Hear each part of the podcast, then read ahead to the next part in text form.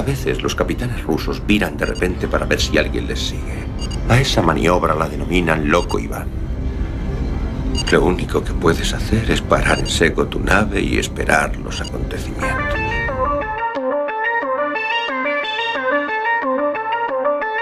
Yamasphere 347 of Space Patrol calling unidentified ship. Good night,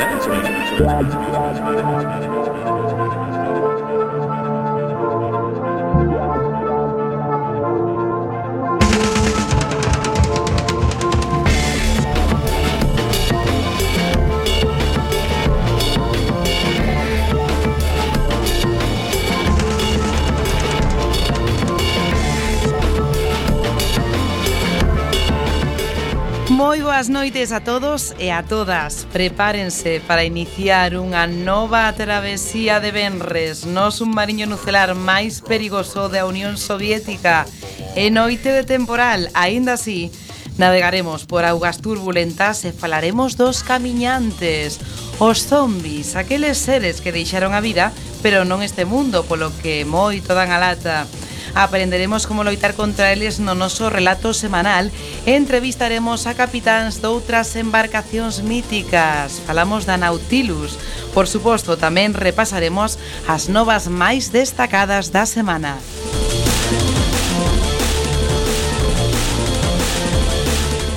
Todo isto, como sempre, co señor Bugaloufa os mandos da sala de máquinas. Encantada a o camarada Lamelov. Boa noite, camarada, sempre en loita. Sempre en loita co xefe de cociña Birnaren. Hola, que tal? Aquí estamos. Coa camarada Nadia Conachova. Presente, capitán. Otto Barix, Esmendrellev. Darwin Bendigo Soviet. E, por suposto, tamén hoxe o noso compañeiro de prácticas, o camarada Alevin Policarpo.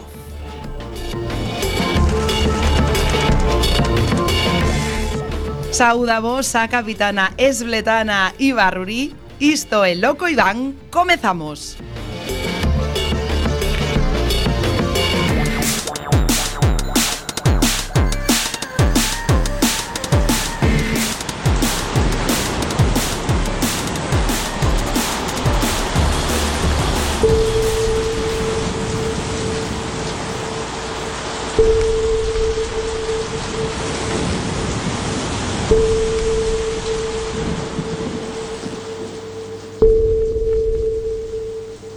Este submarino continúa navegando as augas escuras da Coruña aínda a pesar do mal tempo e aínda a pesar de que tivemos que mandar a numerosos eh, camaradas hoxe a recoller as cubertas do submarino que nos están caendo.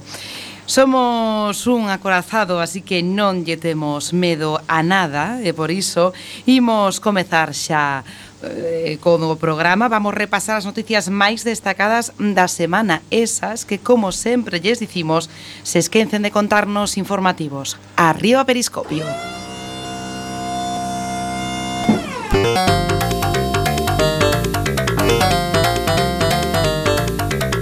Cuac FM. Loco Iván. Periscopio. Os pilares da eternidade arrasan. A semana pasada contamos vos que a segunda parte do xogo de rol de Obsidian iniciaba unha campaña de crowdfunding por 1,1 millóns de sestercios. Pois ben, 23 horas despois acabaron esa cifra. Neste momento xa está na campaña por obxectivos, é dicir, que incluirán máis contido no xogo en función da cifra final. Cimbreles bamboleantes en Conac e Sail, Os cálculos físicos nos videoxogos permiten representar con realismo determinados movimentos ou comportamentos. É o caso dos penes de Conan Exile, o xogo de supervivencia de Fancon que terán un comportamento realista para que non parezan seres acartonados, sen alma, sin personalidade que teñen o seu corazonciño. Os penes de Conan terán vida propia e sairán dos seus eh, compartimentos para berrar, berrar aos catro ventos que están vivos e queren bailar e cantar un, combate, un combate de taparrabos con cimbeles ao vento. Era o que estábamos agardando no mundo dos videoxogos. Xa o tedes con acceso anticipado en Steam. Por certo, xa hai vídeo musical do tema.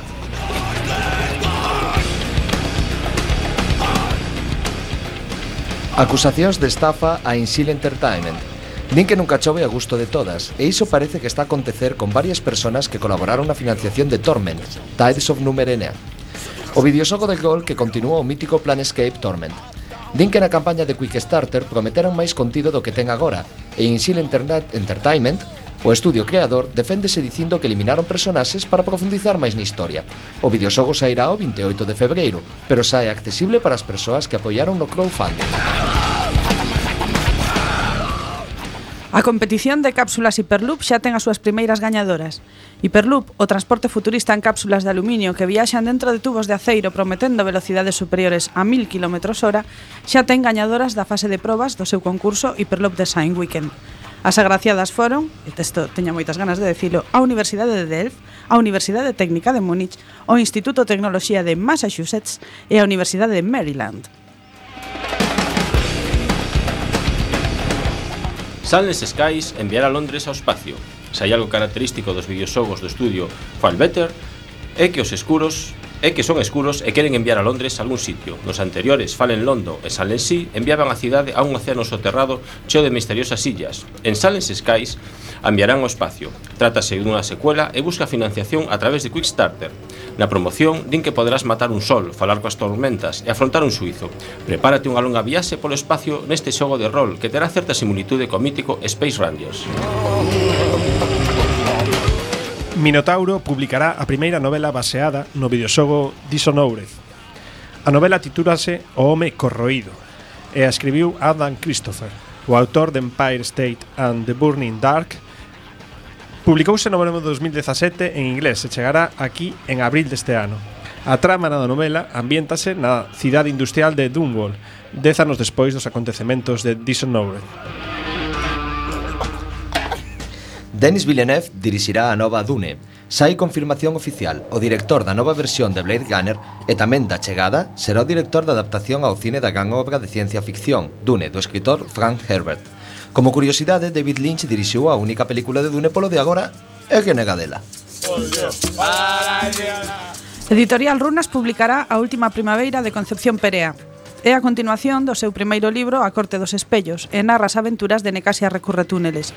O libro incluirá un mapa de terra linde, o mundo de transcurre aventura e unha guía de fadas con vocabulario élfico incluído. ¡Ah! O creador de The Librarians súmase ao equipo de O nome do vento. Non estamos a falar de flatulencias, senón da serie baseada na obra do escritor Patrick Rothfuss, do mesmo título. John Rogers, a mente creativa detrás da serie de TV The Librarians, é a nova fichaxe de Liongate para escribir o capítulo piloto da serie. Temos moitas gañas desta serie, pero máis aínda de que se haya publicado o terceiro libro dunha vez. Mary Brennan regresa al mundo de Barekai, cunha novela curta. Mary Brennan, autora das memorias de Lady Trent sobre dragóns, regresa ao seu mundo de fantasía coñecido como Barekai, cunha novela curta de fantasía épica e aventuras, que publicará a editorial americana Thor nuns meses. A novela titúlase Lighting in the Blood e seguirá as aventuras de Ri tras a súa presentación en Cold Forget Flame, a primeira novela curta da serie. Margaret Weiss e Robert Games amenazan con voltar. Presentan unha nova saga de fantasía. A coautora de Crónicas da Dragonlance e o coautor de The Dragon Brigade escriben unha historia protagonizada por unha coñecida corsaria e eh, contrabandista que vai tra o posible herdeiro da coroa. A primeira parte titularase Spy Master e sairá publicada polo selo estadounidense Tor. A Unión Europea investiga a Valve por prácticas anticompetitivas. A causa é o bloqueo regional que impón a plataforma digital de videoxogos. En Steam, moitas obras non as podes mercar dependendo do país no que esteas, o cal, según a Unión Europea, podería vulnerar a lei antimonopolio.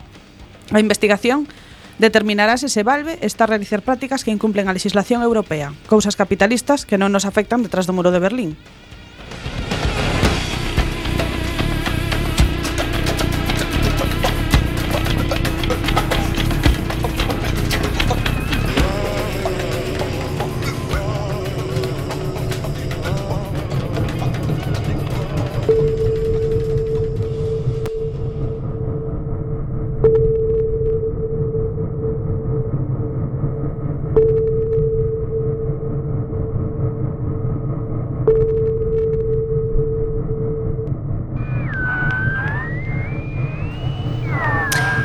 Queridos e queridas camaradas, xa sabedes que unha noite de venres con tanto frío, con, con tanta choiva cando un está no seu camarote comendo chetos ou risquetos ou calquer tipo de cousa que te deixe as mans de cor laranxa como alerta que estamos vivindo nestes tempos na Coruña, que podedes facer? Non somente se escoitar a miña melodiosa voz, senón tamén podedes interactuar directamente con nós eh, co Telegram ou co WhatsApp WhatsApp de CUAC FM no número que vos vou dar. A continuación que é o 644 73703 e vou non repetir para que tamén eh, volve a escoitar a miña melodiosa voz 644 737 303 Pero aparte deste pequeno inserto publicitario que acabo de facer para Coac FM, temos que seguir adiante con noso devenir polas augas misteriosas. Unha vez repasadas xa as noticias máis destacadas da semana, compre facer un alto, como sempre, disfrutar da música que nos trae o señor Bugalov dende a sala de radio. Esta noite, xa que falamos de zombies, optamos por un grupo que nos recorda moito a eles, non o dicimos polo seu estado actual, porque eu tuven, de feito, tiven un romance con un deles, pero bueno, son cousas mm, do pasado que xa vos contaría algunha vez, pero mm, que o que nos vai traer exactamente explique?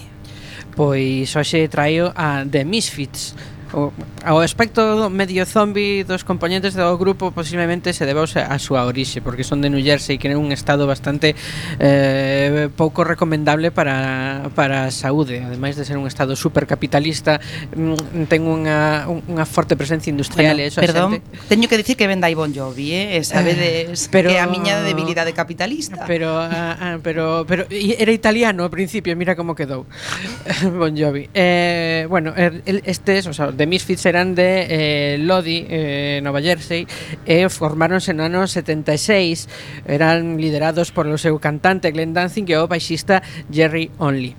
Aínda que é unha banda hardcoreta, tamén ten moita relación con metal, rock gótico e rock and roll. O grupo separouse no 83 aínda que despois o baixista, o baixista reuniu a outros músicos, pero sen o cantante original xa sabemos que esas cousas normalmente non saen ben. Non funcionan. Din que é unha das bandas máis influentes no punk, pero iso é algo que se di de moitas bandas. Hai moitas, moitas bandas que recoñecen a influencia dos Misfits, ou que sei, así a bote pronto, Molotov, non? Por exemplo, así en castelán, bueno. Eh, o caso é que veñen que nin pintados para a temática de hoxe. A súa relación co metal podese ver eh, co tema de hoxe, Die Die My Darling, de 1984, versioneado por Metallica no seu disco Garage Incorporated. Foi publicado nove meses despois da separación da banda e o nome da Cada canción ven da película de 1965 Fanatic titulada Die Die My Darling en Estados Unidos. A portada do single deriva da portada do número de 19 de setembro do 53 do cómic, do cómic Cámara de Escalofríos. Pero veña, a darlle lume. Música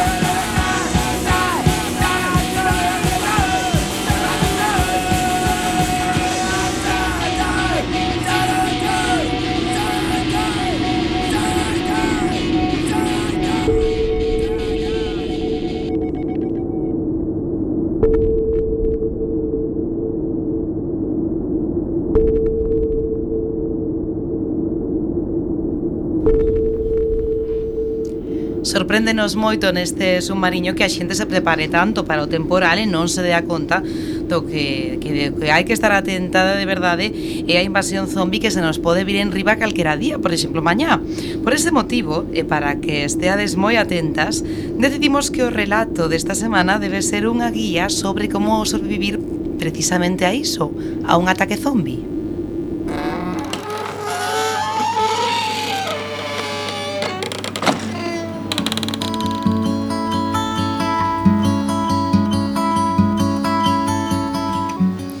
Guía para sobrevivir a un ataque zombi. Todo brote de non mortos ten un principio. Saber que un zombi non te vai servir de nada se non es capaz de recoñecer un brote antes de que sexa demasiado tarde. O único que precisas é buscar os sinais, a unha mente non adestrada pasaríanlle por alto. Estes sinais inclúen Homicidios onde as vítimas son executadas mediante un disparo na cabeza ou decapitación.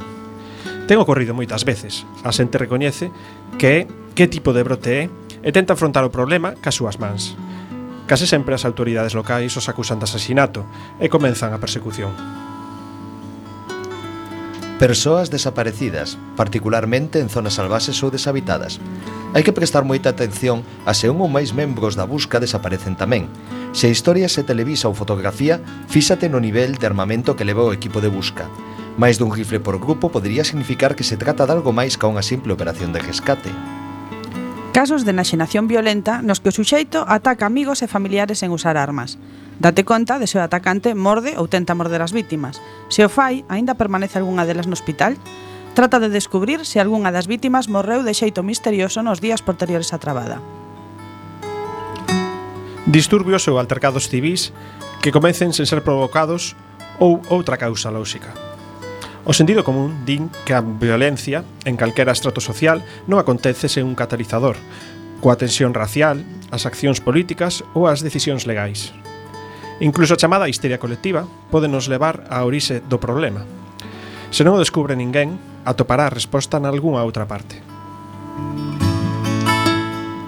Mortes por enfermidade na que non se determinan as causas ou semellan altamente sospeitosas, Os pasamentos por enfermidades infecciosas son, se comparamos con hai un século, escasos no mundo industrializado. Por elo, os novos casos sempre atraen os medios. Fíxate nos casos onde a natureza exacta da enfermidade quede sen explicar. Tamén permanece alerta ante as explicacións sospeitosas como o virus do Nilo Occidental ou a encefalopatía esponsisorme esponsiforme bonipoína. Podría tratarse de exemplos de encubrimento. Calquera das anteriormente citadas onde se proíba a presenza dos medios de comunicación. É extrano que nun país industrializado se censure por completo unha nova. De darse o caso, deberíamos consideralo inmediatamente como unha luz vermella. Por suposto, pode haber moitas razóns diferentes para un ataque de mortos vivintes. Unha vez que o acontecemento capta a túa atención, segue o rastro, anota a ubicación e a distancia que se atopa de ti. Busca incidentes similares nos arredores ou perto do emplazamento orixinal, Se nos seguintes días ou semanas eses incidentes teñen lugar, estudiaos coidadosamente. Anota a resposta das forzas da lei e outras agencias gubernamentais. Se reaccionan máis enérxicamente con cada caso, hai posibilidades de que este acontecer un brote.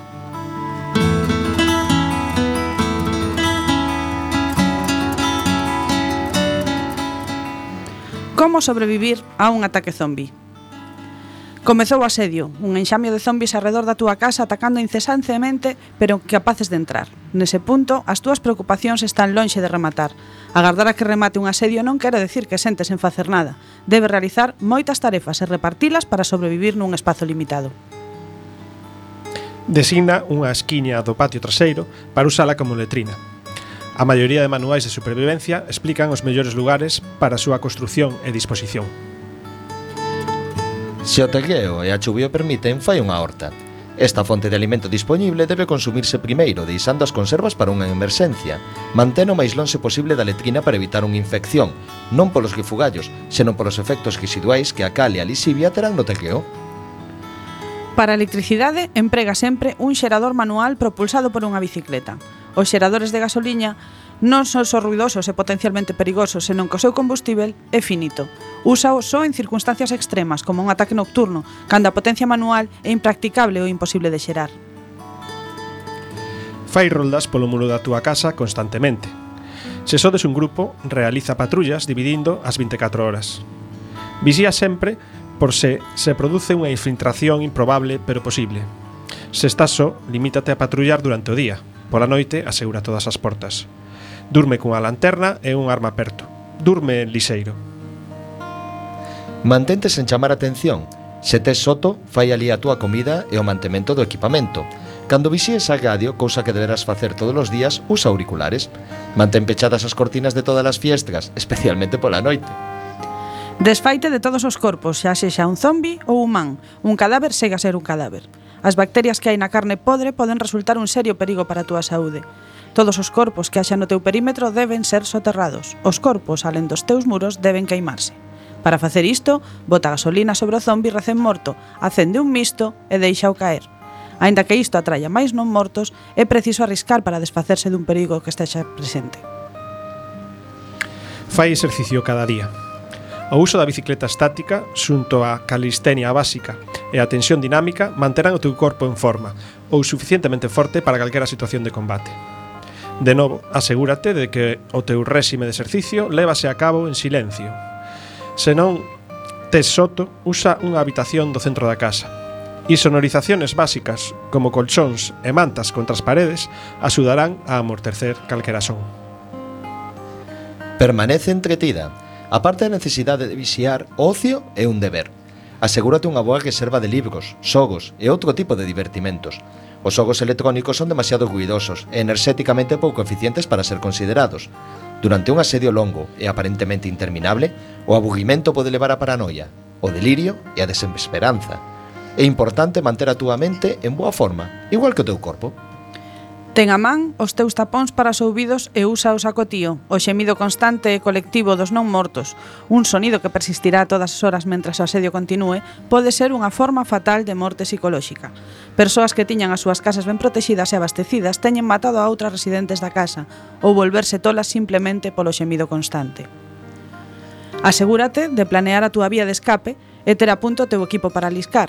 Na incertidume da batalla pode ser preciso abandonar o teu fogar Quizá traspasen o muro, quizá comezou a incendiarse a túa casa, quizá os equipos de rescate chegaron pero non están perto abondo da túa casa. Pola razón que sexa, é hora de marchar. Ten a túa mochila de supervivencia e a túa arma nunha área facilmente accesible, empaquetada, cargada e lista para acción.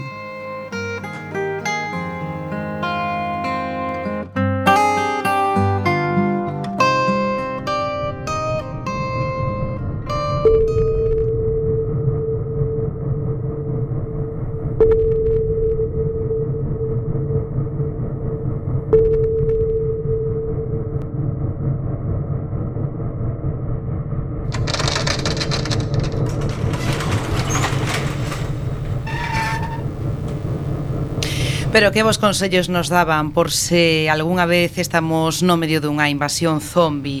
ou o mellor xa estamos e non o sabemos. Vamos a abrir a escotilla esta noite porque, como sempre, e a pesar do frío, e a pesar da choiva, e a pesar dos rayos gamma, temos que traer unha vez máis con nós abrir a escotilla para invitar a entrar a un novo eh, tripulante ocasional deste submarino nucelar. Falamos con Javier Quintana, fotógrafo e un dos impulsores da Sala Nautilus que está na Plaza de Azcárrega na Coruña. Moi boa noite. Bueno, de boa noite de coño, coño. sí, bueno, boa noite. Bueno, ti tes boa noite, que tes libre para entrar aquí no submarino, así que... Mm, Aí estamos a salvo, non? Efectivamente, aquí sempre estarás a salvo. Eh, bueno, Javier Quintana, fotógrafo, escritor, showman, eh, contenos, a Sala Nautilus é unha asociación cultural da Coruña que se basea principalmente na fotografía e en toda a fórmula artística está situada na cidade vella e conta xa con numerosas exposicións eh, na súa lista. É un barco de tolos, segundo din, creo, os seus impulsores, pero como xorde esta, esta idea? E que podemos ver na Nautilus? Bueno, xorde como unha iniciativa eh, que case ten a súa orixe nunhas inquedanzas eh, artísticas ou non sei, ah, dedicámonos á fotografía a gran maioría dos que estamos aquí, tamén a outras artes, e a outras historias. Bueno, sempre tiñamos a intención de crear cousas, eh, que participe toda a xente que poida nesto, e nada, eh, Bás, basicamente facer unha viaxe non sabemos a, hacia onde. De feito, cada día que pasa aínda imos descubrindo cousas. Pero contenos, profundemos, que se poda topar un agora mesmo na Nautilus, porque estes días creo que tendes todavía a exposición de tres fotógrafos destacadísimos da cidade con máis que mítics, non? Sí, a ver, eh, os tres fotógrafos que están aquí expoñendo forman parte da Nautilus. Nesta ocasión queremos facernos unha homenaxe a nos mesmos. Eh, está Amador Lorenzo, está está Sandra García, está eh, Está outra persoa máis que non que sí, non forma no, no, no. das túas. Es que está, está, una, está una Nautilus agora mesmo, eh, a cousa parece que hai aquí un pouco de momento de ondas. Ah. E tal. Bueno, ah, repito, a ver, está Amador Lorenzo, está Sandra García, está Bernardo Villanueva. Son os tres fotógrafos, eh, é unha exposición efímera, que é unha expospres. Eh, bueno, estas, eh, eh, tivo gran éxito, eh, realmente o formato é bastante novedoso, é un collage, pegado nunha parede un pouco así cutre, na que, bueno, lle metemos cola e como se pegásemos os cartéis de, dun concerto. E a verdade é que tivo moito éxito, foi unha eh, veo moita xente a mirada, e tamén o de a inauguración estuvo, estuvo chea a sala, e a verdade é que, bueno, Eh, a nosa intención é que sexa unha exposición efímera, é dicir, arrancala, non vai a quedar nada dela, colleremos aí para raspar e todo fora, e a basura, e a historia. Bueno, pois eh, vamos seguir xa que esta é efímera, pero eh, a, a pesar de que é efímera, eh, ainda podemos ir ver ou xa vas a empezar a arrancar agora? Non, ainda non imos arrancar. Bueno, pode ser que en calquera momento se nos cruzan os cables e eh, empecemos a arrancar todo, pero en principio claro. vai, todavía pode que estea todavía, eh? ainda non sabemos que estea hasta o próximo hasta o próximo fin de semana. De todos os xeitos, eu non esperei un momento, xa, e viría correndo, chamase mellor Camiti, é dicir que a, esta rede social está de ligoteo, que hai tal, e, bueno, ten moita moita intención, claro, o título e desas fotos entendes todo. Javier Quintana, vostede é de Mythics ou de Tinder? Eh, non teño ningún dos dous porque eu son de bar. Ah, bueno, bueno. Pero desenrolarme nos bares eh, ali, bueno, sempre un pode beber cerveza, no peor dos casos. Claro, efectivamente. Eh, teñen a idea, creo, de fomentar a, a fotografía tamén de aquí, non? A creación eh, na Coruña e en Galicia. E isto porque o deduzco e o digo? Bueno, aparte de porque quedaría ben, non vai dicir que non, porque a súa exposición inaugural da, da Nautilus chamábase Casiopea, que é a constelación que sinala o norte e que é máis fácil de ver que a estrela polar. Esta bellísima metáfora que supoño que, que é súa, contenos un pouco como, como iniciou esa esa, esa esa inauguración da Nautilus que foi por todo o alto eh, e precisamente pois esa esa imaxe ou, ou esa mm, ese obxectivo de publicitar tamén pois a, a creación de aquí. Sí, a ver, eh, no, principalmente queríamos abrir unha exposición fotográfica eh, que fará de xente de Galicia. E eh, bueno, eh, a verdad, tivemos moita sorte contar con Juan Varela. Juan Varela é un fotógrafo que antes traballaba na opinión, agora está en Madrid, traballa en Foto España, é un tío moi interesante, un tío que, que ten moita moita capacidade a hora de elegir a xente que tal, como comisariado. Bueno, aparte que era un gran fotógrafo, ou segue sendo, non sei se sigue todavía facendo fotos, pero bueno, o que é fotógrafo é toda a vida, é como ser politoxicómano. En, entón, o que dicía eu é que... sí, bueno, o que dicía eu é que o comportouse moi ben, estivo atento a todo e, e conseguiu liar a moita xente de moita calidade a nivel galego, incluso, a ver, aquí expuso Carla Andrade, por exemplo, que é unha das se considera como unha das 20 persoas hoxe por hoxe máis influentes na fotografía en España. Uh -huh. É dicir, eh, aquí estivo... A, a verdade é que foi unha exposición por, por todo o alto. Eh, houve xente moi, moi interesante. Esperamos seguir nesa liña. Ainda que tampouco eu penso que tampouco nos importa, eh, nese sentido de que sea xente emerxente, queremos tamén que sexa xente que aínda non eh, se coñece, nin todavía se sospeita deles. É dicir, a mí, polo menos, personalmente, gustaríame iso.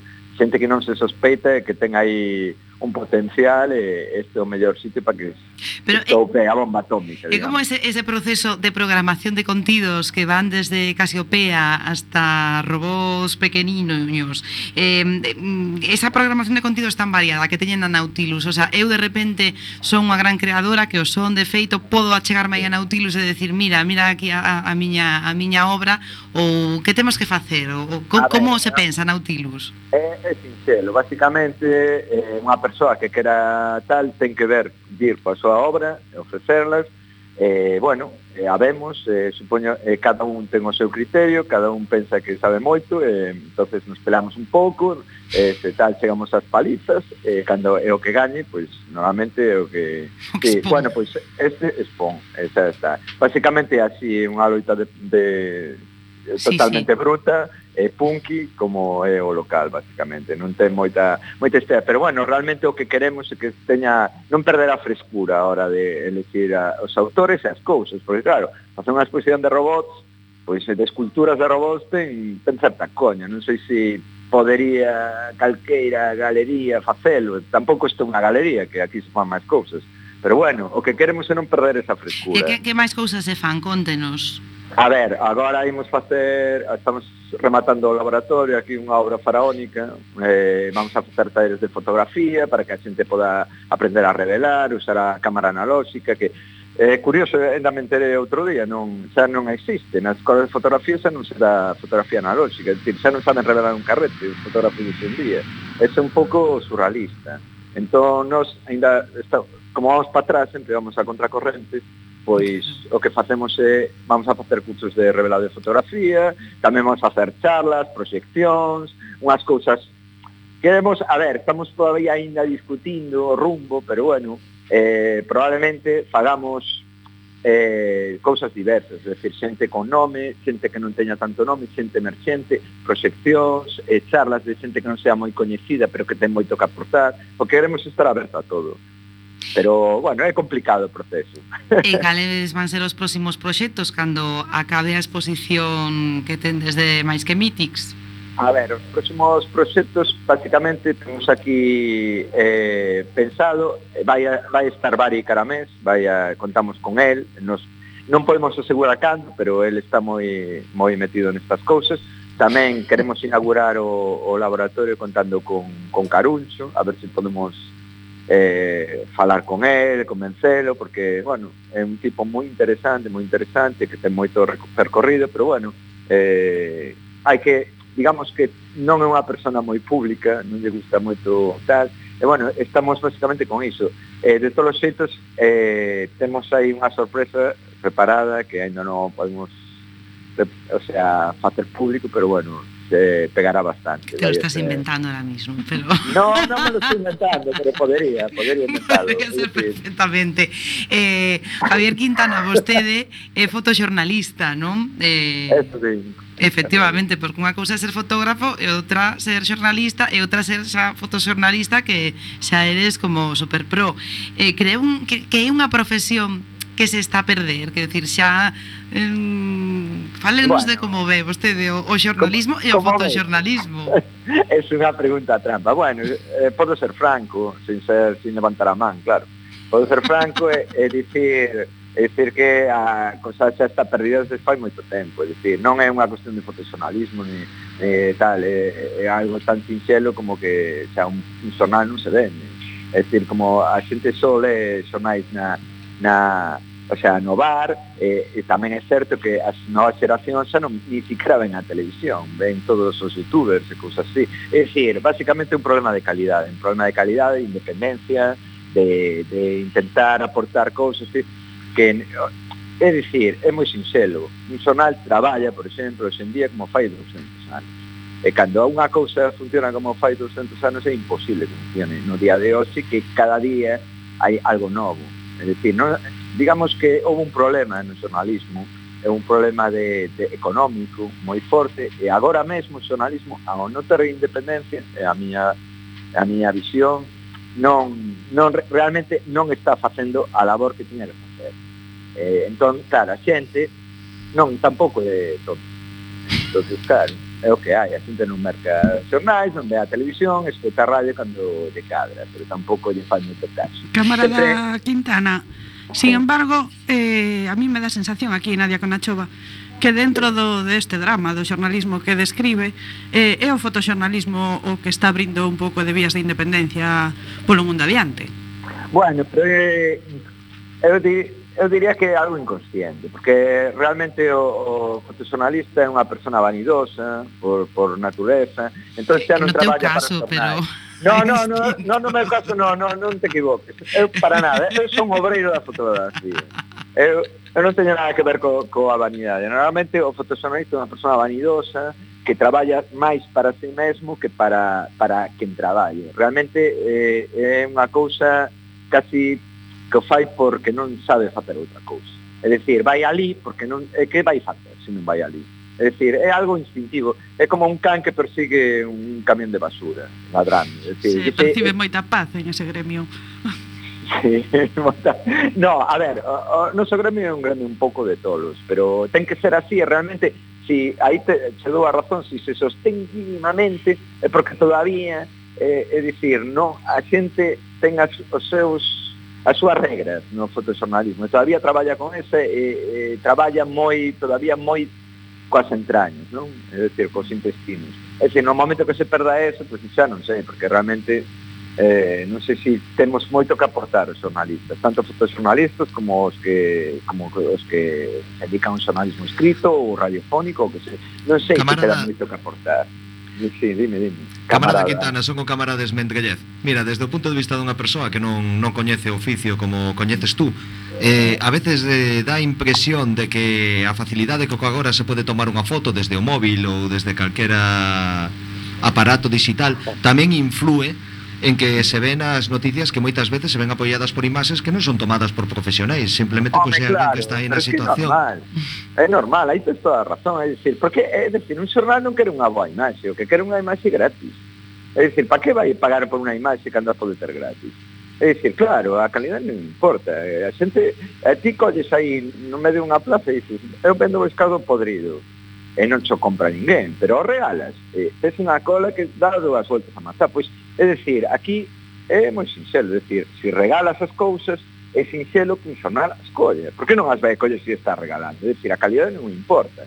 E eu sempre poño o mesmo exemplo, eu sempre digo, eh, a ver, eh, se unha persoa a típica historia, eh, eu eh, sei, un, un accidente de, de, de, de tráfico, é dicir, ou non sei, algo máis máis brutal, alguén que se tira dun edificio, que era a típica novela de Juan Madrid aquela de Días Contados, un tío que se tiraba dun edificio se ti chegas despois e fais unha foto que pode ter un certo non sei, un certo sentido, unha, unha certa mensaxe, como pode ser eh, un morto tal, eh, detrás unha sombra proxectada da policía, algo dramático, digamos, algo dramático, dunha cousa así.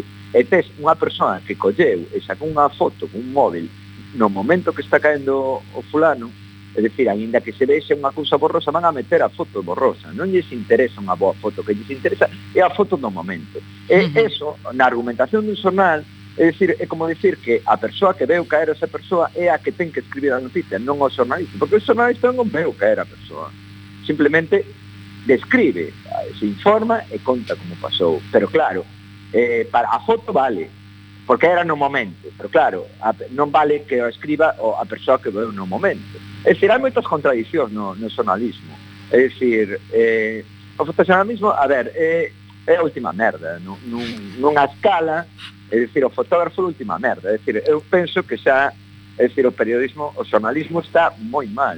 Imagínate o fotoxornalismo. Capo, te iba a dicir, eu, pois vamos, é última merda, o fotógrafo, xornalista, está, está por aí tamén. Pero bueno. Decir, no, no, non sei. É dicir, os analistas, pois imagínate, eu penso que o fotoxornalista ainda está na terapia por debaixo de xornalista. E hoxe en día falar de xo... casi tes que decirlo coa boca o sea, pequena, eh? Decir, a que te dedicas? No, son xornalista. Pois pues non, señor Javier Quintana, vostede dígao sempre moi alto, que o Robert Capa Coruñés. bueno. Sí, máis ou menos. Máis ou menos. máis menos que máis, pero bueno. bueno. Pois, eh, camarada, moitísimas gracias por, por atendernos esta noite, por vir aquí ao submarino, dende a Nautilus directamente.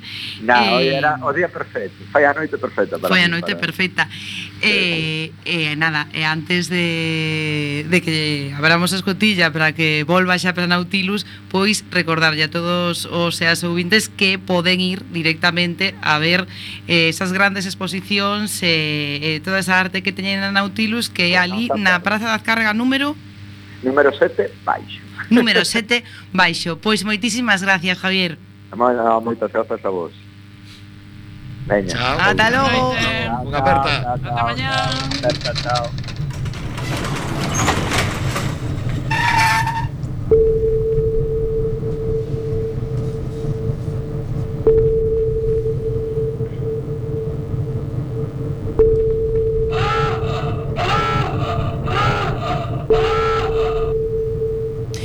Pois, cando son as 10.41 minutos da noite, seguimos con tormenta, seguimos con temporal, pero bueno, isto xa vai a mainar enseguida, din que sobre as 3 da mañá, a esa hora xa estaremos perdidas na noite coruñesa, pero imos iniciar o último tramo do noso programa onde imos profundar, como vos dicíamos, sobre o mundo zombi e a infinidade de cousas que teñen que ver con el.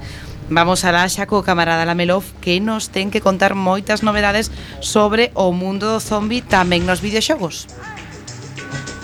Ola, boa noite. Pois pues, sí, a ver, aí teño que recoñecer que o tema zombi non me, non me mola demasiado, a verdade que o aborrezo especialmente. Non me dan medo, só me preocupan cando cando chega as eleccións, pois o, o que votan os zombis, non? Eso sí que eso sí que me preocupa. Eso é preocupante. Sí.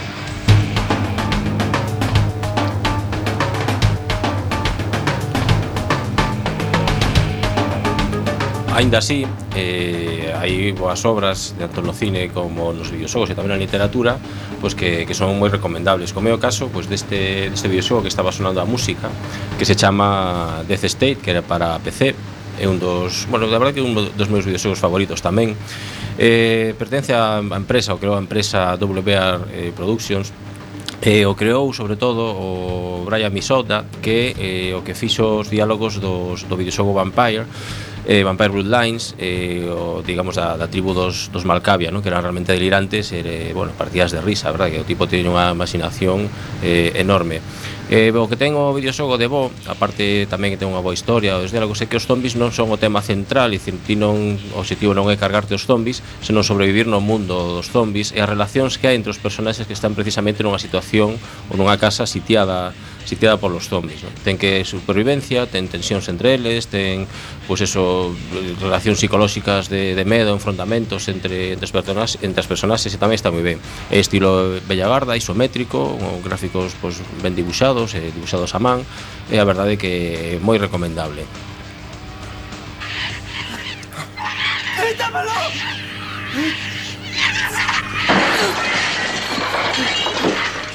¡Quítamelo, Dan!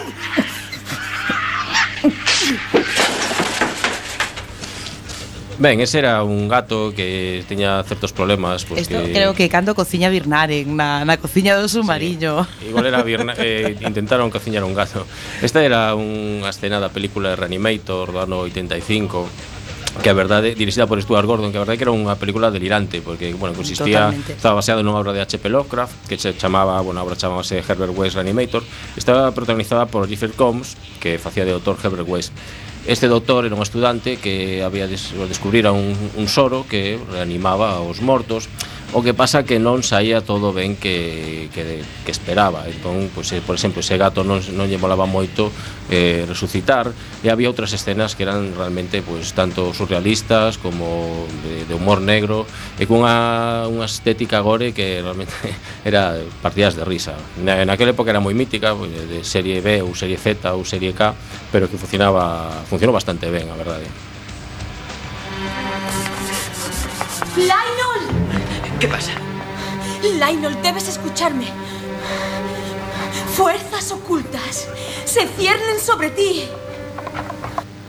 Ben, esta foi outra, outra película mítica tamén dos anos 80 que se chamaba Brain Dead, Que aquí a traduciron, ou perpetraron a traducción como A túa nai comeu o meu can Pero eu creo que hai que reivindicar todas as películas que teñen traduccións que non teñen nada que ver Porque, sí. eh, oye, algunhas que están ben, non? Esta, dende logo, a traducción leva, eh, eh, podría estar na, na, na primeira fila das traduccións delirantes eh, a túa nai comeu moi caro, non estará mal. Eh, diruxiu Peter Jackson, que logo, uh -huh. Eh, contra todo pronóstico, eh, convertiuse nun director de éxito, co, pues, foi o director da, de, de toda a saga de Tolkien, do Señor dos Anéis e, e do Hobbit, mellor o Señor dos Anéis que, que do Hobbit, por certo, E a verdade é que era unha película pois tamén un desparrame, un desparrame gore onde producíanse situacións absolutamente absurdas, hai unha situación mítica dun bebé zombi sí. nun parque que leva tal que, que a verdade é que que un, unha risas, non?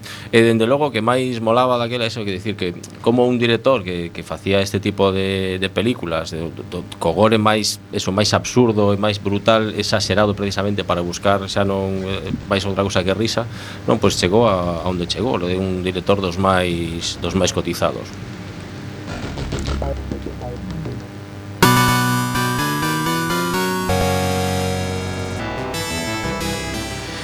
Os xogos de zombies existen desde os comenzos dos propios ordenadores ou máquinas recreativas e esta, esta musiquilla pois era dun dos máis destacados desta primeira época. E, bueno, todo o mundo que xogou a el recordará o Ghosts Goblins e a súa secuela Ghost Ghost eh, o mítico xogo de arcade no que loitamos contra un montón de seres diabólicos e eh, que comezamos pois no típico cementerio infestado de zombies. O xogo realmente era moi difícil e adictivo e a banda sonora, como, como vemos, é moi pegadiza.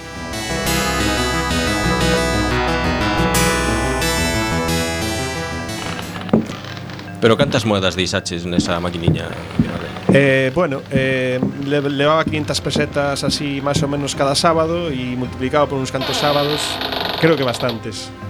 Isto que estamos coitando xa é un xogo para ordenador, mítico, dos míticos, Salón in the Dark. Como vedes, pois era Pero bastante... Pero por favor, home. Era un ser un xogo moi, moi tenebroso. Eh, máis... Eh, En este xogo, realmente, que se inaugurou o, o xénero Survival Horror, no que basicamente o xogador tiña que sobrevivir en un entorno hostil.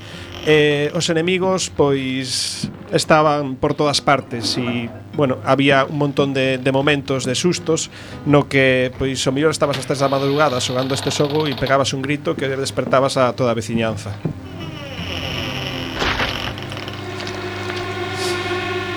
Pero, bueno, en este estilo tamén de survival horror estaba Resident Evil, que tamén era un xogo dos, dos míticos eh, de desenrolo parecido tamén ao anterior. Eh, bueno, este ademais destaca porque fixeron unha serie de películas que agora mesmo xa van pola sexta, unhas películas pois eh, bueno, dentro do que é a saga zombie que non estaban nada mal.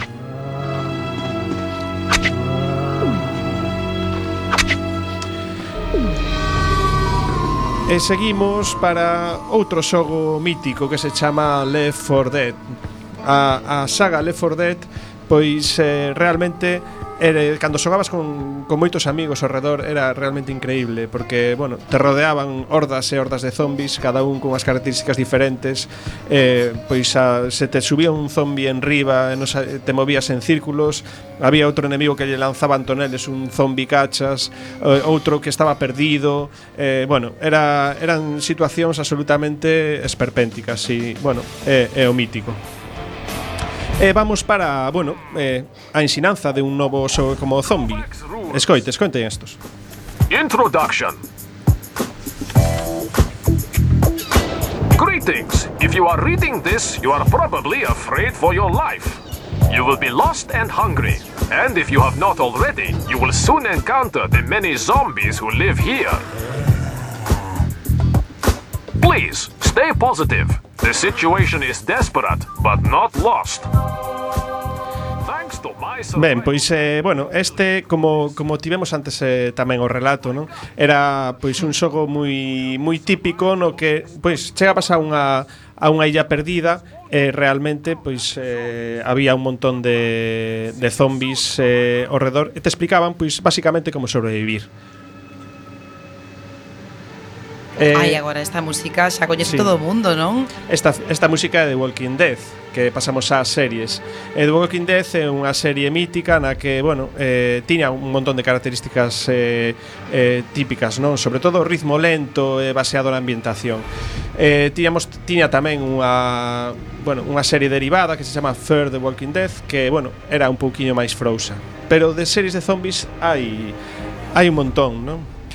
Temos, por exemplo, eh, Death Set, que é unha serie británica na que pois estábamos en unha especie de eh, Big Brother, no? De feito, as personaxes uh -huh. protagonistas eran algunhas eh, do Big Brother británico, que pois eh, chegaba esa, esa invasión zombi, non? E a xente non se enteraba, e seguían cos seus claro, estaban aí pechados. Cos seus rollos banais de, de Big Brother, non? E mentres pois por aí devorándose esos os zombis. Podería pasarnos aquí, eh, que hoxe sairamos do submarino e, non nos mm... e de repente a humanidade xa non existiría. Mm, fíjate. Que podría ser.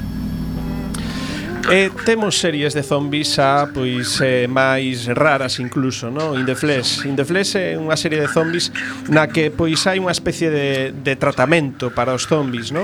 Que, que bueno, que deixan de querer matar humanos. E eh, E eh, bueno, eh, realmente en, en esta serie mm, pois a característica que os, os zombies son como pois unha, unha raza como os negros, no, Que están eh, apartados da, da sociedade e hai bastante discriminación. Moi ben, pois eu quero volver un pouco un pouquiño a orixe, no? Porque agora pois hai un canon moi claro. Escoitades ese guiso?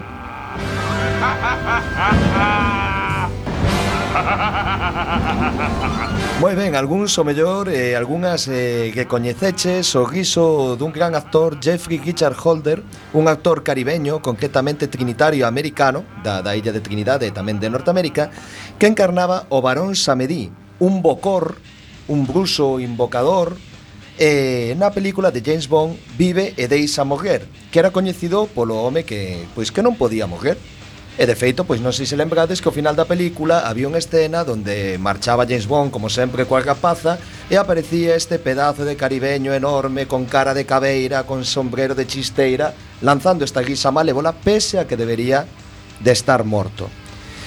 E bueno, hai unha cousa que, que está clara, non? Este canon actual de zombi, de infección, tal Realmente vende unhas lendas desta, desta zona do mundo E, por suposto, eu non sei se os zombis son reais Pero, desde logo, o que é real e a súa lenda e o, e o terror que provocan inda nestas, nestas terras, non? Eu lembrome cando na enésima invasión, unha vez máis disfrazada de intervención pola liberdade de USA en Haití... Eu tamén foi... me lembro cando estaba ali daquela, efectivamente. Sí, foi un sitio Foi fastidiado, lembras? Estábamos co submarino aí espidando as maniobras capitalistas naquel ano 91. Man a man, esmendrellece eu, que tempos. Pero porque ah. non estabades coxas miñas ordes, entón estabades con gelo, non os acordades? Efectivamente. Gelo agora. Era aí, era aí. Aburguesouse. Xa non é o mesmo. Pois bueno, daquela, a mera, os soldados americanos algúns estaban aterrorizados porque dicíase que lles iban botar o polvo zombi, convertelos en zombis e todo isto. O dos zombis é un asunto bello, eh, cando falamos dos escravos eh, negros que foron levados ás colonias americanas, eles crearon diversas religións pois sincréticas coa, coa religión cristiá, no?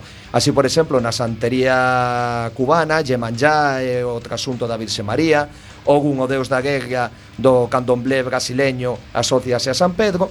En Tahití, na religión vodú, existen os loas, entre eles un poderoso espírito, o varón Samedí, que é o loa da morte do sexo chungo, perverso e sadomasoquista, e que ten entre os seus poderes alzar os mortos en forma de zombis. Entón, pois, bueno, eh, hai quen opina que se trata dun trasunto do, do medo a escravitude, porque realmente, pois, os zombis son escravos da persoa que, uh -huh. que que lles bota o meigallo e que os ponga a, a traballar e a producir para eles pois cun sistema capitalista típico haitiano. E dice que se fai cun polvo que entre outros componentes ten a tropina e a escopolamina, que hoxe por hoxe son tristemente famosos no mundo occidental por ser a famosa burundanga que se utiliza para someter químicamente as persoas e abusar sexualmente delas por certos delincuentes sexuais.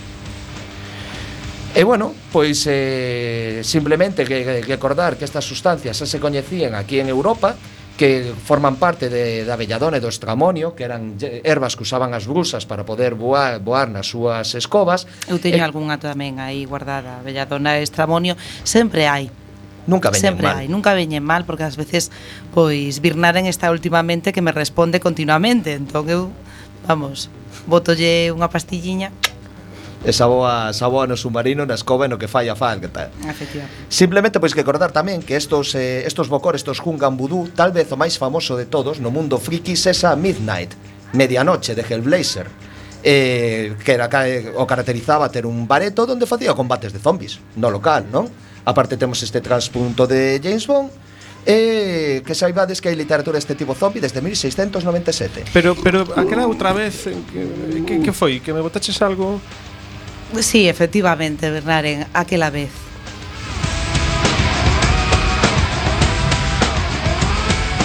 Nos despedimos, como sempre. Confíen en nos e nos vemos a semana que ven. Chao. Sempre Chao a capitana, confianza plena.